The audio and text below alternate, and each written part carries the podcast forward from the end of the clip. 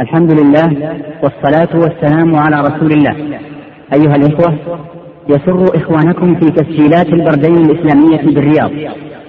أن يقدموا لكم الإصدار الثالث من سلسلة الدروس العلمية لسماحة الشيخ عبد العزيز بن عبد الله بن باز المفتي العام للمملكة العربية السعودية ورئيس هيئة كبار العلماء ورئيس إدارة البحوث العلمية والإفتاء.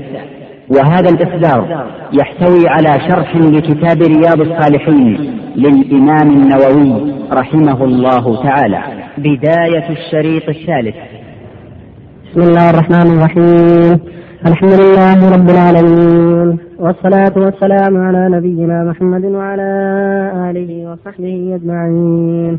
أما بعد قال الإمام النووي رحمه الله تعالى في باب فضل الصف الأول والأمر بإتمام الصفوف الأول وتسويتها والتراص فيها. وعن ابي سعيد الخدري رضي الله عنه أن رسول الله صلى الله عليه وسلم رأى في اصحابه تأخرا فقال لهم تقدموا فأتموا بي وليأتم بكم من بعدكم. لا يزال قوم يتأخرون حتى يؤخرهم الله. رواه مسلم. وعن أبي مسعود رضي الله عنه قال كان رسول الله صلى الله عليه وسلم يمسح مناكبنا في الصلاة ويقول استووا ولا تختلفوا فتختلف قلوبكم ليلني منكم أولو الأحلام والنهى ثم الذين يلونهم ثم الذين يلونهم رواه مسلم. وعن أنس رضي الله عنه قال قال رسول الله صلى الله عليه وسلم سووا صفوفكم فإن تسوية الصف من تمام الصلاة. متفق عليه. وفي رواية البخاري فإن تسوية الصفوف من إقام من إقامة الصلاة. نعم الحمد لله وصلى الله وسلم على رسول الله وعلى آله وأصحابه ومن اهتدى أما بعد هذه الأحاديث الثلاث كلها تعلق بالصفوف والمسارعه إلى الصلاه فواجب المؤمن العناية بالصلاة والمحافظة عليها والمسابقة إليها في وقتها مع الجماعة هذا هو الواجب على كل مسلم ذكر مكلف أن يسابق إلى الصلاة وأن يعتني بأدائها في الجماعة في ملة الله عز وجل. الحديث الأول حديث أبي رضي الله عنه يقول النبي صلى الله عليه وسلم تقدموا فاعتموا بي وليأتنا بكم من بعدكم ولا يزال القوم يتأخرون حتى يؤخرهم الله أن يتأخر عن الصلاة حتى يؤخرهم الله. يعني عن كل خير. وفي رواية عائشة حتى يؤخرهم الله في النار. هذا في الحث على التقدم والمسارعة إلى الصلاة. ويكون المؤمن في الصف الأول كما تقدم في قوله لو يعلم الناس ما في النداء والصف الأول ثم لم يجدوا أن يستهموا أن يستهموا وفي حديث عائشة عند أبي داود رأى في صلاة تأخر عن الصف المقدم في الأول. فقال تقدم فاعتموا بي ولا يجوز يتأخر الصلاة حتى يؤخر ولا يجوز يتأخر الصف المقدم حتى يؤخره الله في النار. المقصود أن في هذا الحث والتحريض على المسارعة إلى الصلاة حتى يكون الصف المقدم الصف الأول وحتى يبتعد عن صفات الكسالى. ولا يزال الرجل يتكاسل ويتأخر حتى يؤخره الله هذا عام يعني عن كل خير أو عن التقدم إلى الخير أو يؤخره الله في النار. فيجب الحذر من التكاسل والتثاقل عن الصلاة كفعل المنافقين؟ حديث ابن مسعود رضي الله عنه قال كان يمسح مناكبنا ويقول لا تختلفوا فتختلف قلوبكم يأمرهم بالاستواء يستووا قال لا يختلفوا. يعني يعني يلبس منكبه ويقول استوى يتقدم مع أخيه يستوى مع أخيه حتى يستووا جميعا على سمت واحد. وفيه إشارة إلى أن الاختلاف في الوقوف مع الإمام من أسباب اختلاف القلوب. إذا تخالف ويتقدم قلوب ويتأخر قلوب ولا ينتظم في الصف من أسباب أيضا اختلاف القلوب من أسباب التباعد. ولا يجب الاستواء في الصف وأن يكون على سمت واحد متراصين يتسابقون الصف الأول فالأول.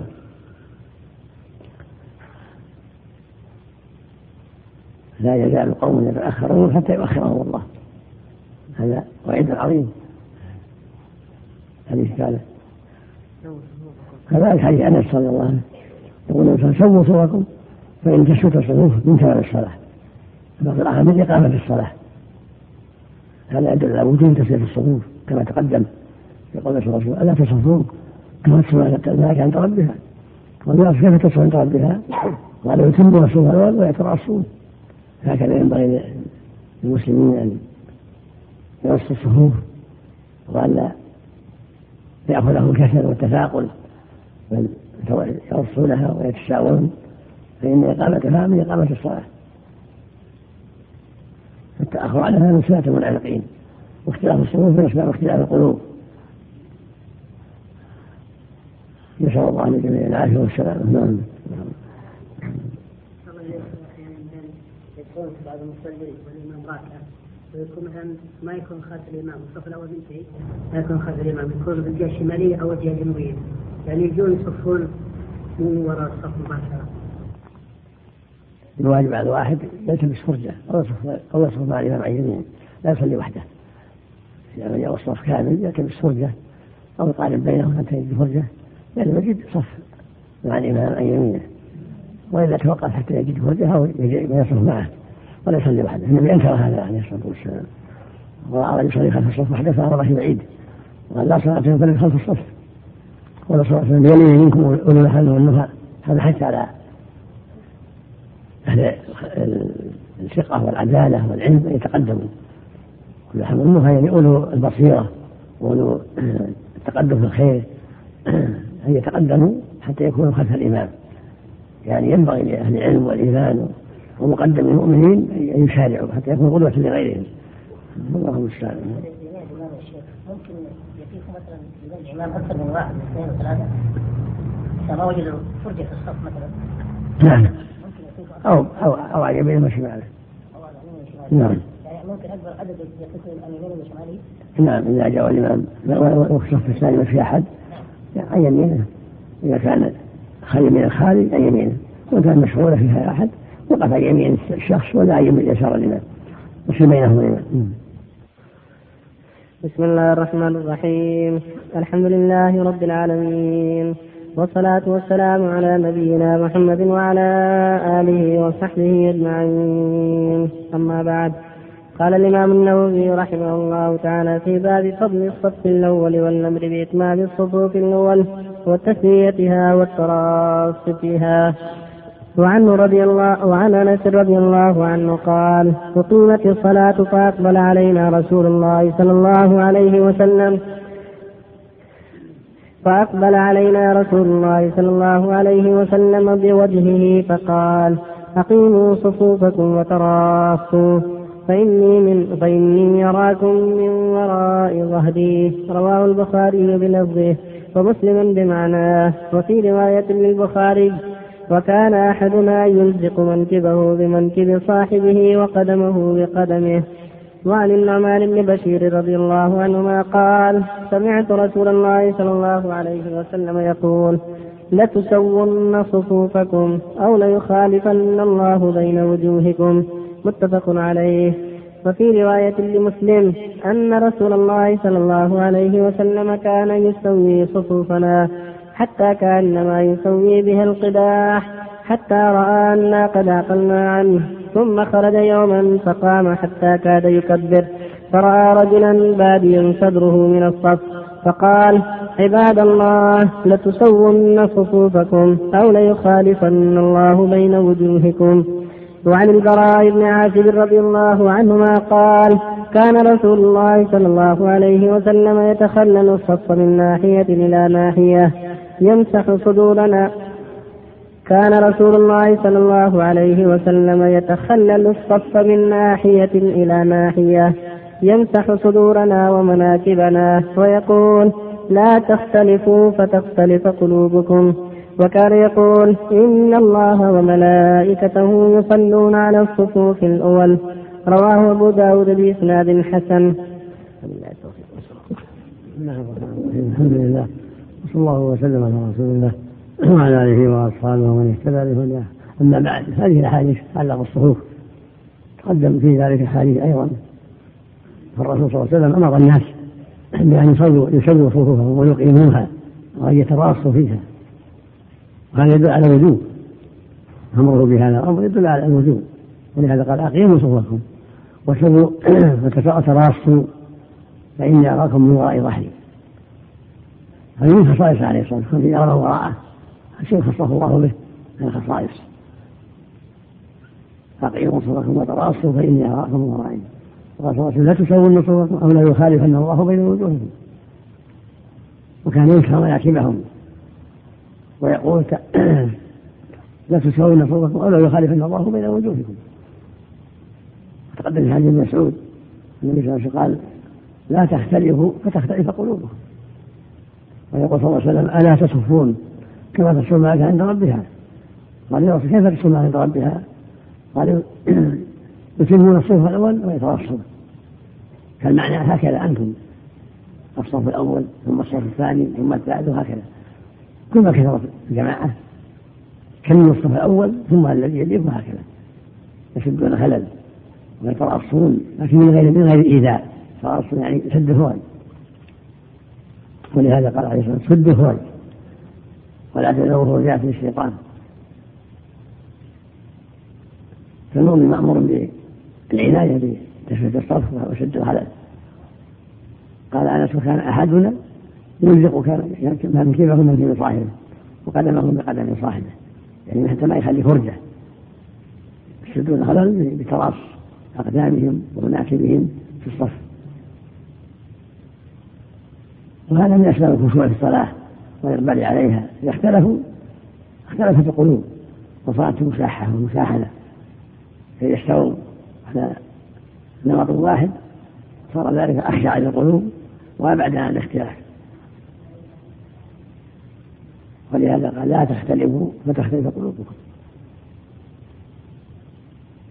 وقال صلى الله عليه وسلم رصوا صفوفكم وتراصوا أقيموا الصفوف وتراصوا ولما رأى ذنبا صدره قال عباد الله لا تشهرن صفوفكم أو لا يخالفن الله بين وجوهكم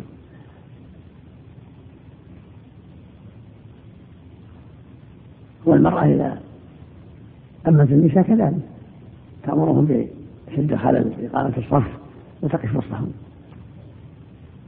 وهكذا إذا كانوا مع الرجال صاروا صفوفا يشدون الخلل بينهم ويتراصون بينهم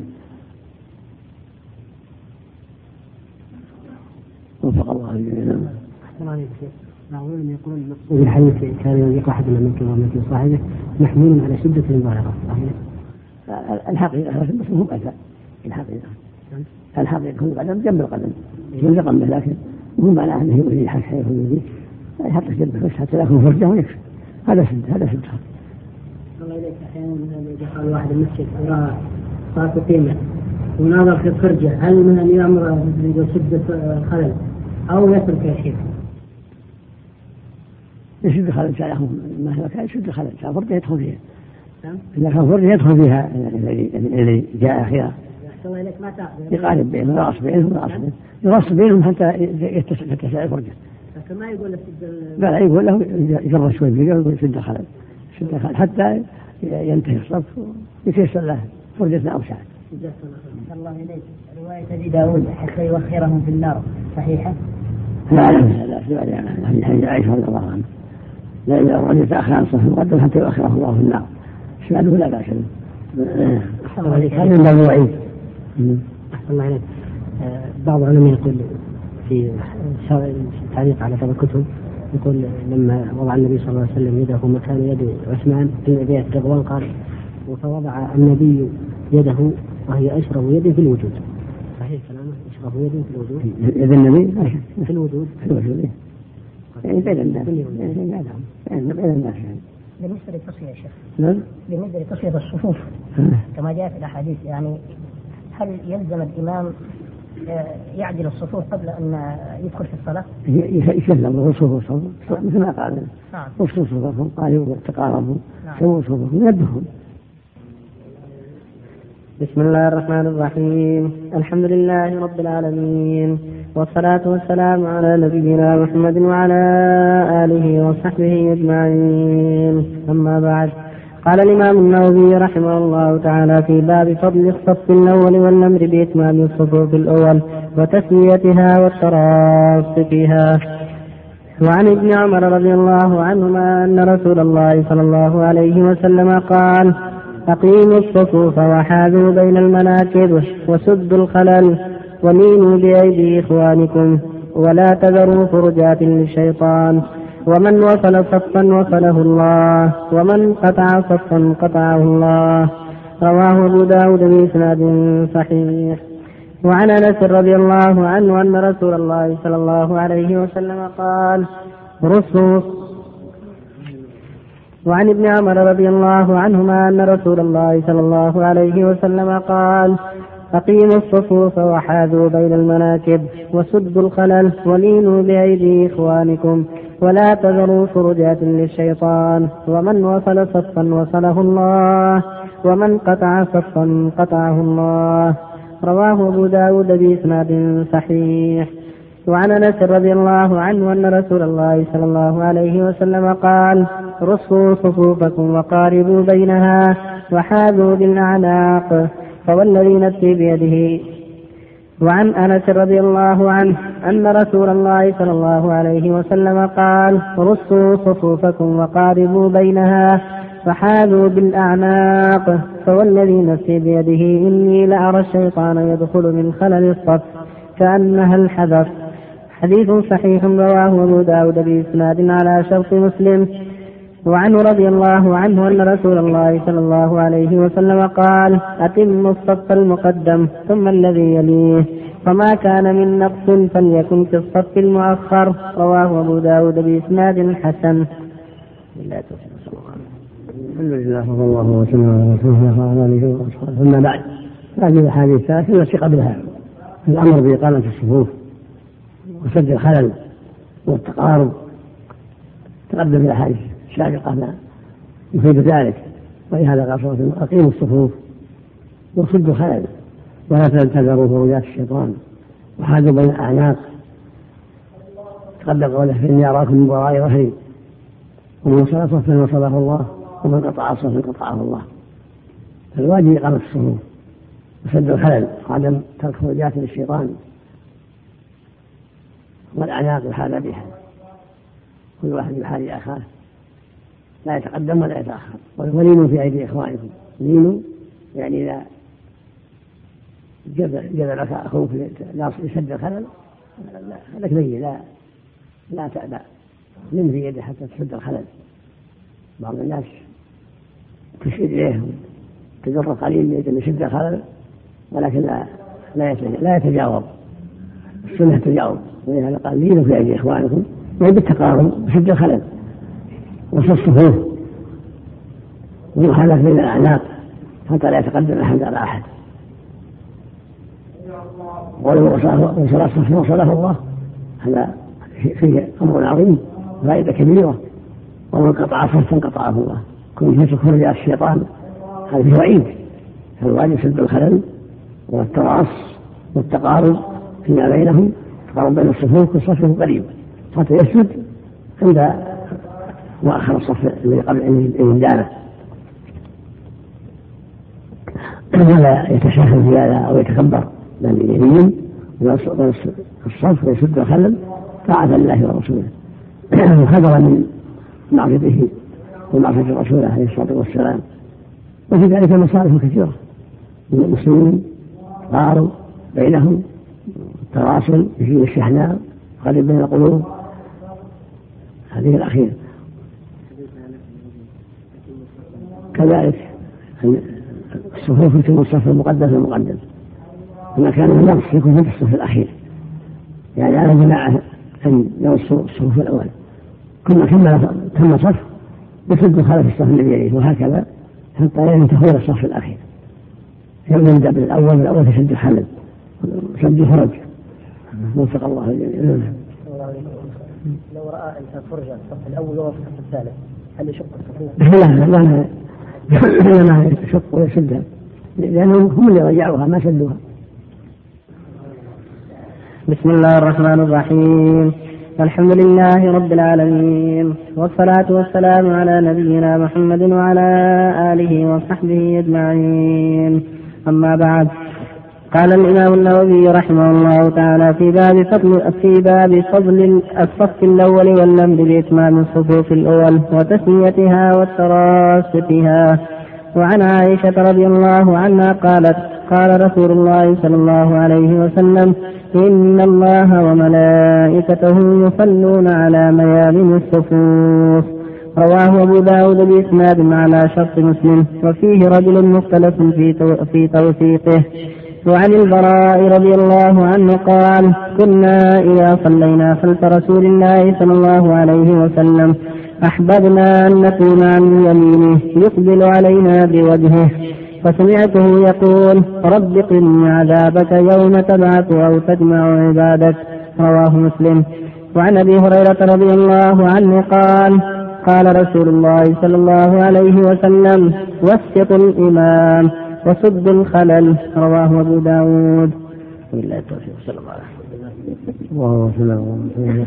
وآله وأصحابه من اهتدى بهداه أما بعد هذه الأحاديث تتعلق بالصف الأول وقد تقدم في ذلك عدة أحاديث عن النبي عليه الصلاة والسلام. كلها تدل على وجود العناية بالصفوف ووصفها وسد خللها وأن يكمل الصف الأول فالأول وفي حديث عائشة رضي الله عنها يقول صلى الله عليه وملائكته يصلون على يلي الصفوف. فيدعى أن اليمين أفضل وأن أفضل إلى اليسار وأن الواجب التكميل. تكميل الصف الأول فالأول. فيشد الخلل ويكمل يعني الصف اليمين والايسر ثم يبدأ في الثاني وهكذا. فعلى الجميع تكمل الصف الأول فالأول مع ملاحظه يمين كل صف افضل يمين كل صف افضل يساره لكن لا يبدا في الصف الثاني حتى يكمل الأول. يمينه وشماله وهكذا. لا يبدا في الصف الثالث حتى يكمل الصف الثاني وهكذا. حديث البراء رضي الله عنه يقول رضي الله عنه كما إذا صلى مع النبي صلى الله عليه وسلم يحرص على أن يكون عن يمينه يقبل من وجهه. يحين يصل إلى الجماعة. بعدما يسلم صلى الله عليه وسلم. يقول أستغفر الله أستغفر الله أستغفر الله. اللهم انت السلام منك السلام تبارك يا من ثم ينصرف إليه بوجهه عليه الصلاة والسلام. ربما صعد إلى جهة يمين وربما صعد إلى جهة يسار. فيقضيهم وجهه الكريم ويستقبلهم بعد فراغه من الصلاة عليه الصلاة والسلام. وكان يقول بعد الصلاة اللهم قني عذابك يوم تبعث عبادك يعني بعد الذكر بعد قول أستغفر الله أستغفر الله أستغفر الله اللهم أنت السلام ومنك السلام تبارك يا ذا الجلال لا إله إلا الله وحده لا شريك له له الملك وله الحمد وعلى كل شيء قدير. فيستحب الخير ثلاثا ثم يقول لا حول ولا قوة إلا بالله. لا إله إلا الله لا نعبد إلا إياه له النعمة وله الفضل وله الثناء لا إله إلا الله مخلصين له الدين ولو كره الكافرون اللهم لا مانع لما أعطيت ولا معطي أنت ولا ينفع ذا الجد منك ويقول اللهم قني عذابك إنك لك عبادك وثلاثة فجأة يقول اللهم أجرني من النار اللهم أجرني وسبع مرات ويثبت الفجر المغرب لا إله إلا الله لا شريك له. له الملك وله الحمد يحيي ويميت على كل شيء عشر مرات. في المغرب والفجر. يستحب هذه الزيادة. لا إله إلا الله وحده لا شريك له. له الملك وله الحمد يحيي ويميت على كل شيء عشر مرات. ثم يأتي بعدها التشريع سبحان الله والحمد لله والله أكبر والله أكبر 33 يحمدون بعد كل صلاة بعد الذكر. أن يقول سبحان الله والحمد لله والله أكبر كذا وثلاثين ثلاثين ثلاثة مرات ثم يختم بها قوله لا إله إلا الله وحده لا شريك له. له الملك وله الحمد وهو على كل شيء قدير. ويفتح من تأييد بعد هذا مئة كرسي. الله لا إله إلا هو الحي القيوم. يكملها إلى قوله ولا يؤوده حفظهما وهو العلي العظيم. هذه الآية العظيمة. يستحب الاتيان بعد كل صلاة وعند النوم.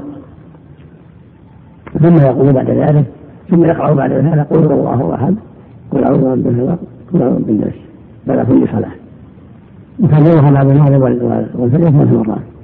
قل هو الله أحد قل أعوذ برب الفلق قل أعوذ بالناس مرة واحدة بعد الظهر والعصر والعشاء وثلاث مرات بعد المغرب والفجر. كل شيء سنة مستحب.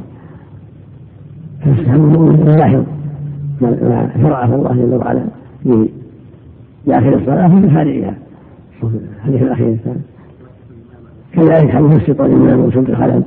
السنة يكون الإمام وسط يجعل المحراب وفق المسجد. لا يمين ولا شمالا محل الإمام يكون في الوسط. وهكذا إذا كان الجماعة مقدمون في السفر يكون وسطهم. وأما سد الخلل فتقدم الحرف في وجود سد الخلل سد الفرج. والتراس. وفق الله من الله نجمع بين وصف الإمام وبين أن الله وملائكته صلى الله عليه وسلم. هو في محل ولكن يبدأ الصف ويتيامن ثم يأتي من يهدي يسار أنا بارك الله أحسن الله عليك إذا تيامن ويكون محله لكن بعدين يكمل الصف الثاني ويصرف من الصف الأول وهو في الوسط. لأن الغالب الجماعة يشدون الصفوف لا بأس به. وأسنده على شرط مسلم في شأن بعض الضعف لكن عليه العمل عند أهل العلم. أو عليه العمل يكون في الوسط عليه العمل عند المسلمين عهد النبي لا يوم هذا. اللهم صل شخص دخل المسجد واستفحت الصف ثم وقف وحده خلف الصف وكبر. وجاب ركعتين أو ركعه ثم بعده جاء ناس وقفوا معه.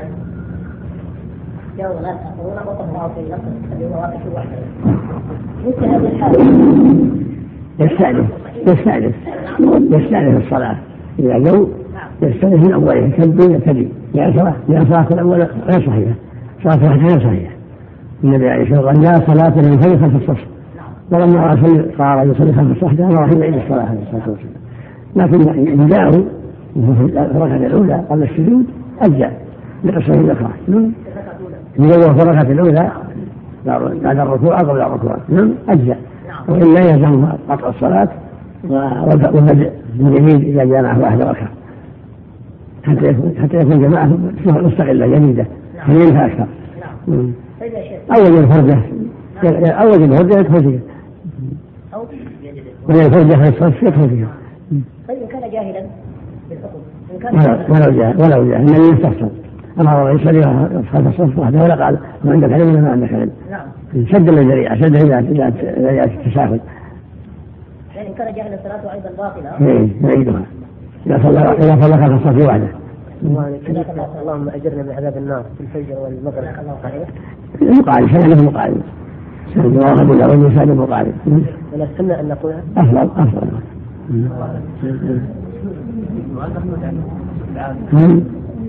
الله داخل في بين يثبت في الورق. يثبت. هو الله لا يثبت في الورق. إذا كان تصير يثبت ومكان ما يثبت يؤخذ من غير ثبات لو أما غير ثبات هذا ما يضر. أما إذا كان لا يثبت في ورقة أو في شرطة أو في شيء لا يجوز لكن في الشريط في الشريط اللي صب فيه يثبت فيه.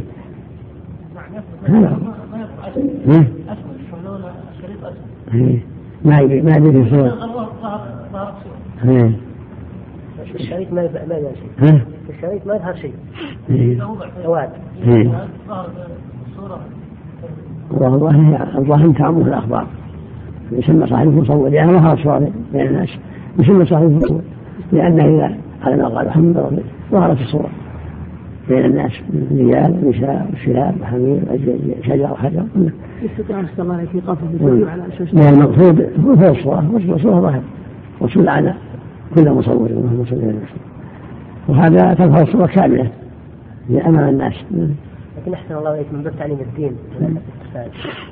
يظهر الصورة من باب علم يعلم مثل علم النبي الأمة الرسول علم الأمة دون التصوير والصحابة علموا الأمة دون التصوير اللهم صل إنك في الأولين في الآخرين نعم نعم الدخول في المكان الذي فيه تلفاز فيه يجوز الدخول فيه؟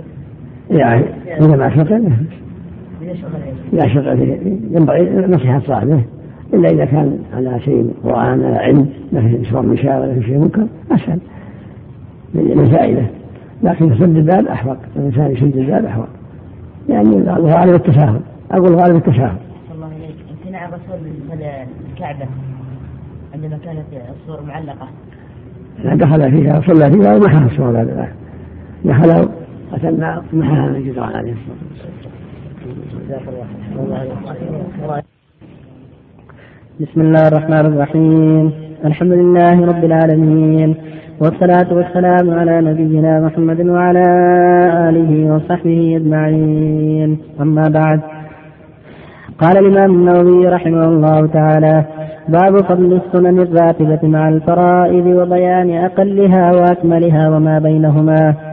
عن أم المؤمنين أم حبيبة رملة بنت أبي سفيان رضي الله عنهما قالت سمعت رسول الله صلى الله عليه وسلم يقول ما من عبد مسلم يصلي لله كل يوم ثنتي عشرة عشرة ركعة.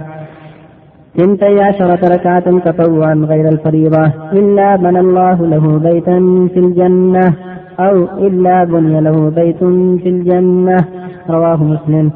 وعن ابن عمر رضي الله عنهما قال صليت مع رسول الله صلى الله عليه وسلم ركعتين قبل الظهر وركعتين بعدها وركعتين بعد الجمعة وركعتين بعد المغرب وركعتين بعد العشاء. متفق عليه. وعن عبد الله بن مغفل رضي الله عنه قال قال رسول الله صلى الله عليه وسلم بين كل أذانين صلاة بين كل أذانين صلاة بين كل أذانين صلاة. قال في الثالثة لمن شاء. متفق عليه. الله وسلم على رسول الله وعلى آله وأصحابه من اهتدى أما بعد هذه الأحاديث الثلاثه وما يأتي بعدها. كلها تتعلق بصلاة التطوع.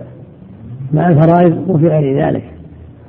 صلاة التطوع فيها فضل عظيم وتكمل بها الفرائض. قد وعد الله عليها خيرا كثيرا.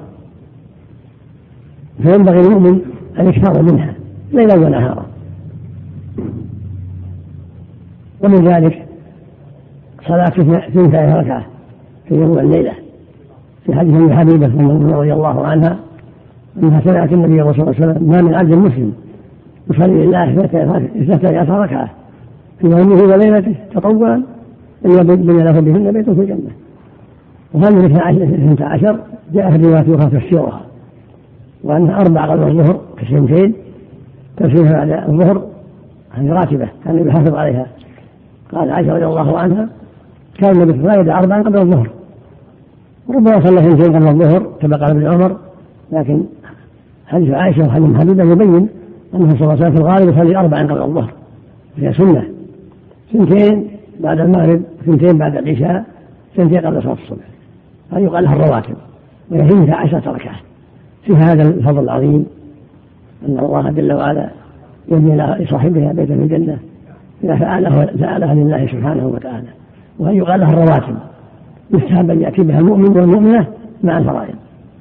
فسنتين قبل الظهر سنتين بعدها. هذه ست. سنتين بعد الغرب ثمان سنتين بعد العشاء عشر.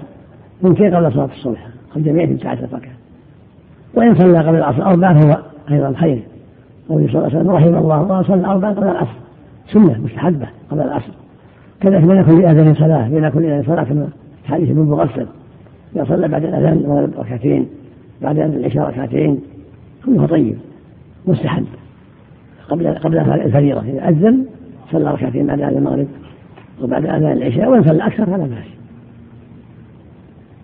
كذلك سنة الضحى كما يأتي سنة مؤكدة سنة الضحى تهجد بالليل تطوع في الليل من أفضل السنن ومن أكد العبادات. كما قال جل وعلا في أهل في المتقين كانوا قليلا من الليل ما يهجعون وبالأسحار هم يستغفرون. وقال في عباد الرحمن والذين يبيتون ربهم سجدا وقياما وقال فيهم وأشباههم كرجاء جنوبهم عن المضاجع؟ يدعون ربهم خوفا وطمعا ومما رزقناهم ينفقون. فلا تعلم نفس ما أخفي لهم من قرة أعين جزاء بما كانوا هذا جزاء. أهل الخير والتهجد بالليل من المؤمنين. وفق الله إليك أحسن الله إليك. سنة الجمعة البعدية الأفضل في البيت. أفضل في البيت ونصليها في المسجد فلا بأس لكن أفضل أربعة. كما في الحديث الآتي. من كان مصليا بعد فصلي بعدها أربعة. في البيت إليك نصليها في البيت ثلاث بأس ونصليها في المسجد ثلاث بأس والبيت أفضل من صلىها في المسجد. الحمد لله. الأمر واسع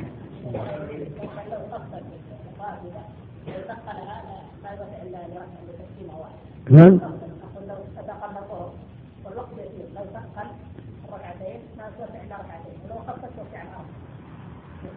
لا الوقت واسع يا ولد بعد الظهر الوقت واسع. نصلي. يصلي ما تيسر يصلي كان بعد بعد الصلاة كأنها بعد الصلاة. صلى اثنين قبل الصلاة وأربعا قبل الصلاة بعد الصلاة حتى يسجد يسجد وإن صلى قبلها أربعة بعدها أربعة فهو أفضل وأفضل. يقول النبي صلى الله عليه وسلم من حافظ على أربع قبل الظهر وأربع بعدها حرمه الله تعالى. النار التخفيف لا بأس التخفيف لا يضر. مع الطمأنينة أو مع الطمأنينة وإذا قرأ بالقصار يقول الله أحد والعصر كله طيب الحمد لله. دائما سنة دائمة. دائمة. كل يوم. أقلها ركعتان ولا حد لأكثرها أربعة اثنان عشر مئة. أقلها ركعتان.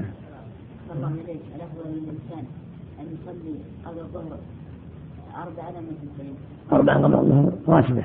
في سنتين هذا هذا هو الأفضل. هذا هو الكمال. كما قالت عائشة رضي الله عنها.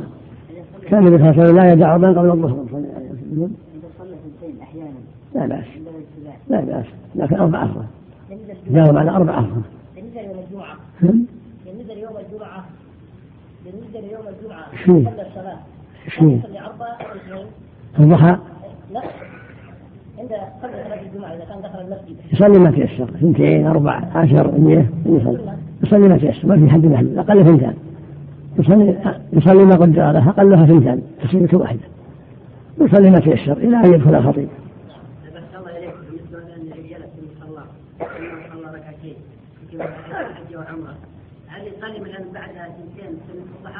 شيء؟ يصلى زيادة فلا يأس ولا أقلها ركعتين يصلى أربعة ولا ثمان ولا ما في. كله كله طيب كله كله كله طيب يصلي الضحى في بيته. أو إذا شد الضحى أفضل. زيادة. الضحى إذا شد الضحى الساعة عشر وما حولها. نعم يعني قبل الظهر ساعة ساعتين أفضل. وفي سنة الضحى أقلها ركعتين يصليها الصغير صلى سنة الضحى يسميها يسميها العامة سنة الإشراق. خارج الموضوع في أحد الأخوة جاء من السودان عندما قام من هناك لهم جارة جارتهم أعطته حقيبة قال لها وصلها لأحد أقربائه في جدة وعندما وصل ميناء جدة جاء عند الجمارك سألوه قالوا الحقيبة هذه ماذا يحمل في داخلها؟ قال لهم والله ما أدري أعطوني إياها قالوا وصلها لأحد في جدة فعندما فتح هذه الحقيبة وجد فيها الحقيبة وجد فيها صورة مصورة على جلد باليد صورة. إيه. صورة بنت إيه. فالآن هو وصل هنا. يقول هل هذه الصورة يحرقها أم يردها إلى صاحبتها في السودان أم يسلمها إلى مكان الذي موصى إليه في جدة؟ لا لا يحرقها. أيوة. لا لا, لا يردها ولا يسلمها. ما يسلمها؟ النبي صلى الله عليه وسلم لا تدع صورة إلا طمستها. أيوة. نعم يطلقها ثم يحرقها ويؤجر نعم. نعم. ثم يسلمها شيخ بالسوى سرقه ها؟ يعطيها ممزقه مطروسه بسم الله الرحمن الرحيم. الحمد لله رب العالمين. والصلاة والسلام على نبينا محمد وعلى آله وصحبه أجمعين. أما بعد قال الإمام النووي رحمه الله تعالى باب تأكيد ركعتي سنة الصبح. عن عائشة رضي الله عنها أن النبي صلى الله عليه وسلم كان لا يدع أربعا قبل الظهر وركعتين قبل الغداء. رواه البخاري. وعنها رضي الله عنها قالت لم يكن النبي صلى الله عليه وسلم على شيء من النوافل أشد تعاهدا منه على ركعتي الفجر. متفق عليه. وعنها رضي الله عنها النبي صلى الله عليه وسلم قال ركعتا الفجر خير من الدنيا وما فيها. رواه مسلم. وفي رواية لهما أحب إلي من, من الدنيا جميعا. وعن أبي عبد الله بلال بن رباح رضي الله عنه مؤذن رسول الله صلى الله عليه وسلم أنه أتى رسول الله صلى الله عليه وسلم ليؤذنه بصلاة الغداة فشغلت عائشة بلالا فشغلت عائشة بلالا بأمر سألته عنه حتى أصبح جدا فقام بلال فآذنه بالصلاة وتابع آذانه فلم يخرج رسول الله صلى الله عليه وسلم فلما خرج صلى بالناس. فأخبره أن عائشة شغلته بأمر سألته عنه حتى أصبح جدا وأنه أبطى عليه بالخروج. فقال يعني النبي صلى الله عليه وسلم إني كنت ركعت ركعتي الفجر. فقال يا رسول الله إنك أصبحت جدا قال لو أصبحت أكثر مما أصبحت لركعتهما وأحسنتهما وأجملتهما. رواه أبو داود بإسناد حسن. الحمد لله وصلى الله وسلم على رسول الله. وعلى آله وأصحابه ومن اهتدى بهداه. أما بعد فهذه الأحاديث الأربعة كلها تتعلق بسنة الفجر. سنة الفجر متأكدة وهما ركعتان قبل الصلاة. وإذا فاتتا قضاهما بعد الصلاة أو بعد طلوع الشمس. يقول عليه الصلاة والسلام ركعتا الفجر خير من الدنيا وما فيها. تقول عائشة رضي الله عنها لم يكن النبي صلى الله عليه وسلم من النوافل أشد تعهدا منه على ركعتي الفجر. والسنة للمؤمن أن يحافظ عليهما وأن يحرص عليهما. في السفر والحضر. وقالت أيضا رضي الله عنها كان يصلي لا يدع أربعا قبل الظهر وركعتين قبل الغداة. في السنة قبل الظهر أربع تسليمتين راتبة. وبعدها اثنتان وإن صلى بعدها أربعا كان أفضل. لحديث أم حبيبة رضي الله عنها. عن النبي صلى الله عليه وسلم قال من حافظ على أربعين قبل الظهر وأربعين بعدها حرمه الله تعالى على النار. أما الفجر فسنتها ركعتان قبلها حتى ولو نام عنها يصليها مع الفريضة إذا استيقظ. ولهذا لما نام النبي صلى الله عليه وسلم والصحابة في السفر في بعض الأسفار عن الفجر فلم يستيقظوا إلا بحر الشمس. أمر النبي صلى الله عليه وسلم بأن تأذن ثم صلى ركعة سنة الفجر ثم أقام فصلى. فدل ذلك على أن سنة الفجر متأكدة وأن صلى مع الصبح حتى ولو في غير الوقت. والسنة في فيهما التخفيف وعدم التطويل. كان يقرأ فيهما صلى الله عليه وسلم بعد الفاتحة يقول يا أيها الكافرون قل هو الله أحد. ثم قرأ فيهما بقولوا آمنا بالله وما أنزل إلينا الآية من سورة البقرة. وفي الثاني يقول يا أهل الكتاب تعالوا إلى كلمة سواء بيننا وبينكم من سورة آل عمران. والسنة الاتيان بها حتى ولو قدر أنه أكثر يصليهما ثم يذهب بالفريضة وكان صلى الله يصليهما في البيت ويقضي بعدهما بيعة خفيفة ثم يذهب إلى المسجد ويصلي بالناس عليه الصلاة والسلام. ومرة طيف بلال بالأذان شغل عرض له فلما آذنه بالصلاة عليه الصلاة والسلام صلى ركعتين. وكان قد أصبح.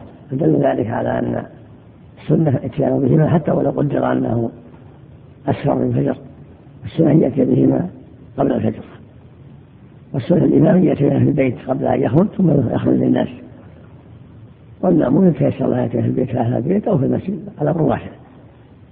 لكن السنة الإمام أن يأتي بهما في البيت وكل النوافل في البيت أفضل كما قال النبي صلى الله عليه وسلم. أفضل صلاة في بيته إلا المكتوبة. إلا النافلة التي لها جماعة كالتراويح صلاة الاستسقاء كسوف قد صلى جماعة في المسجد أو في المصلى.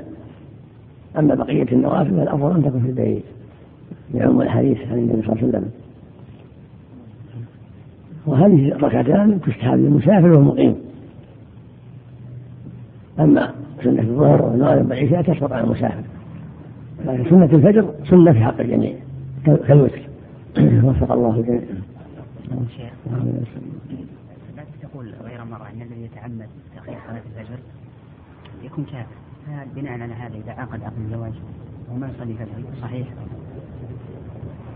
آه يبدأ عند خلاف الجمهور على أن إذا كان ما هذا الوجوب لا يكفر كفر أصغر والصحيح أنه كفر أكبر إذا تعمد ترك الصلاة حتى خرج وقتها. عمدا بغير شبهة. والكافر لا لا يعقل المسلمة إذا صلى وليها لا يصلي نعم. يلتمس ولي آخر أن يبعد منه أن يصلي. لا يتولى عقدها لما يصلي. صار الله ما يصلي كان لها أخوها كان لها أخو أو ابن أو عم إلى قصر لا هو الزوج يعني هو الزوج. هو اللي سوف يتزوج الآن. وهي ما تصلي وهي تصلي؟ اي هو اللي ما يصلي. لا لا يزوج. يترك صلاة الفجر عمدا. لا يزوج. ينبغي لا يزوجون نسأل الله العافية الله إليك. حديث بلال صحيح؟ لا حسنه أنا ما أتبع سنده. ما هو الدليل على نجاسته؟ أمر النبي غسله غسل الدماء حكى بعض أهل العلم على انها نجس إلا الشيء قليل فعن دم قليل من غير الدهور ولا من غير الذكر مثل ما يقع في الأسنان أو في العين أو في الرعاة القليل يفعل الله إليك. صلاة عمر بالجنة المجروح المستحاضة يفعلها صلي على حسب هذا إذا ينفي صلي على حسب هذا اتقوا الله ما استطعتم. هل هو فرض كفاية على الجماعات أو على أهل البلد عموما؟ فرض كفاية على كل ناحية. لا تسمع على الآخر كل ناحية كلها مسجد فرض كفاية عليهم لكن إذا كان المؤذن يسمع الجميع كفى. صار في حق الباقين سنة. لو كان مؤذن مخيف يسمع الجميع صار في حق الباقين سنة. الله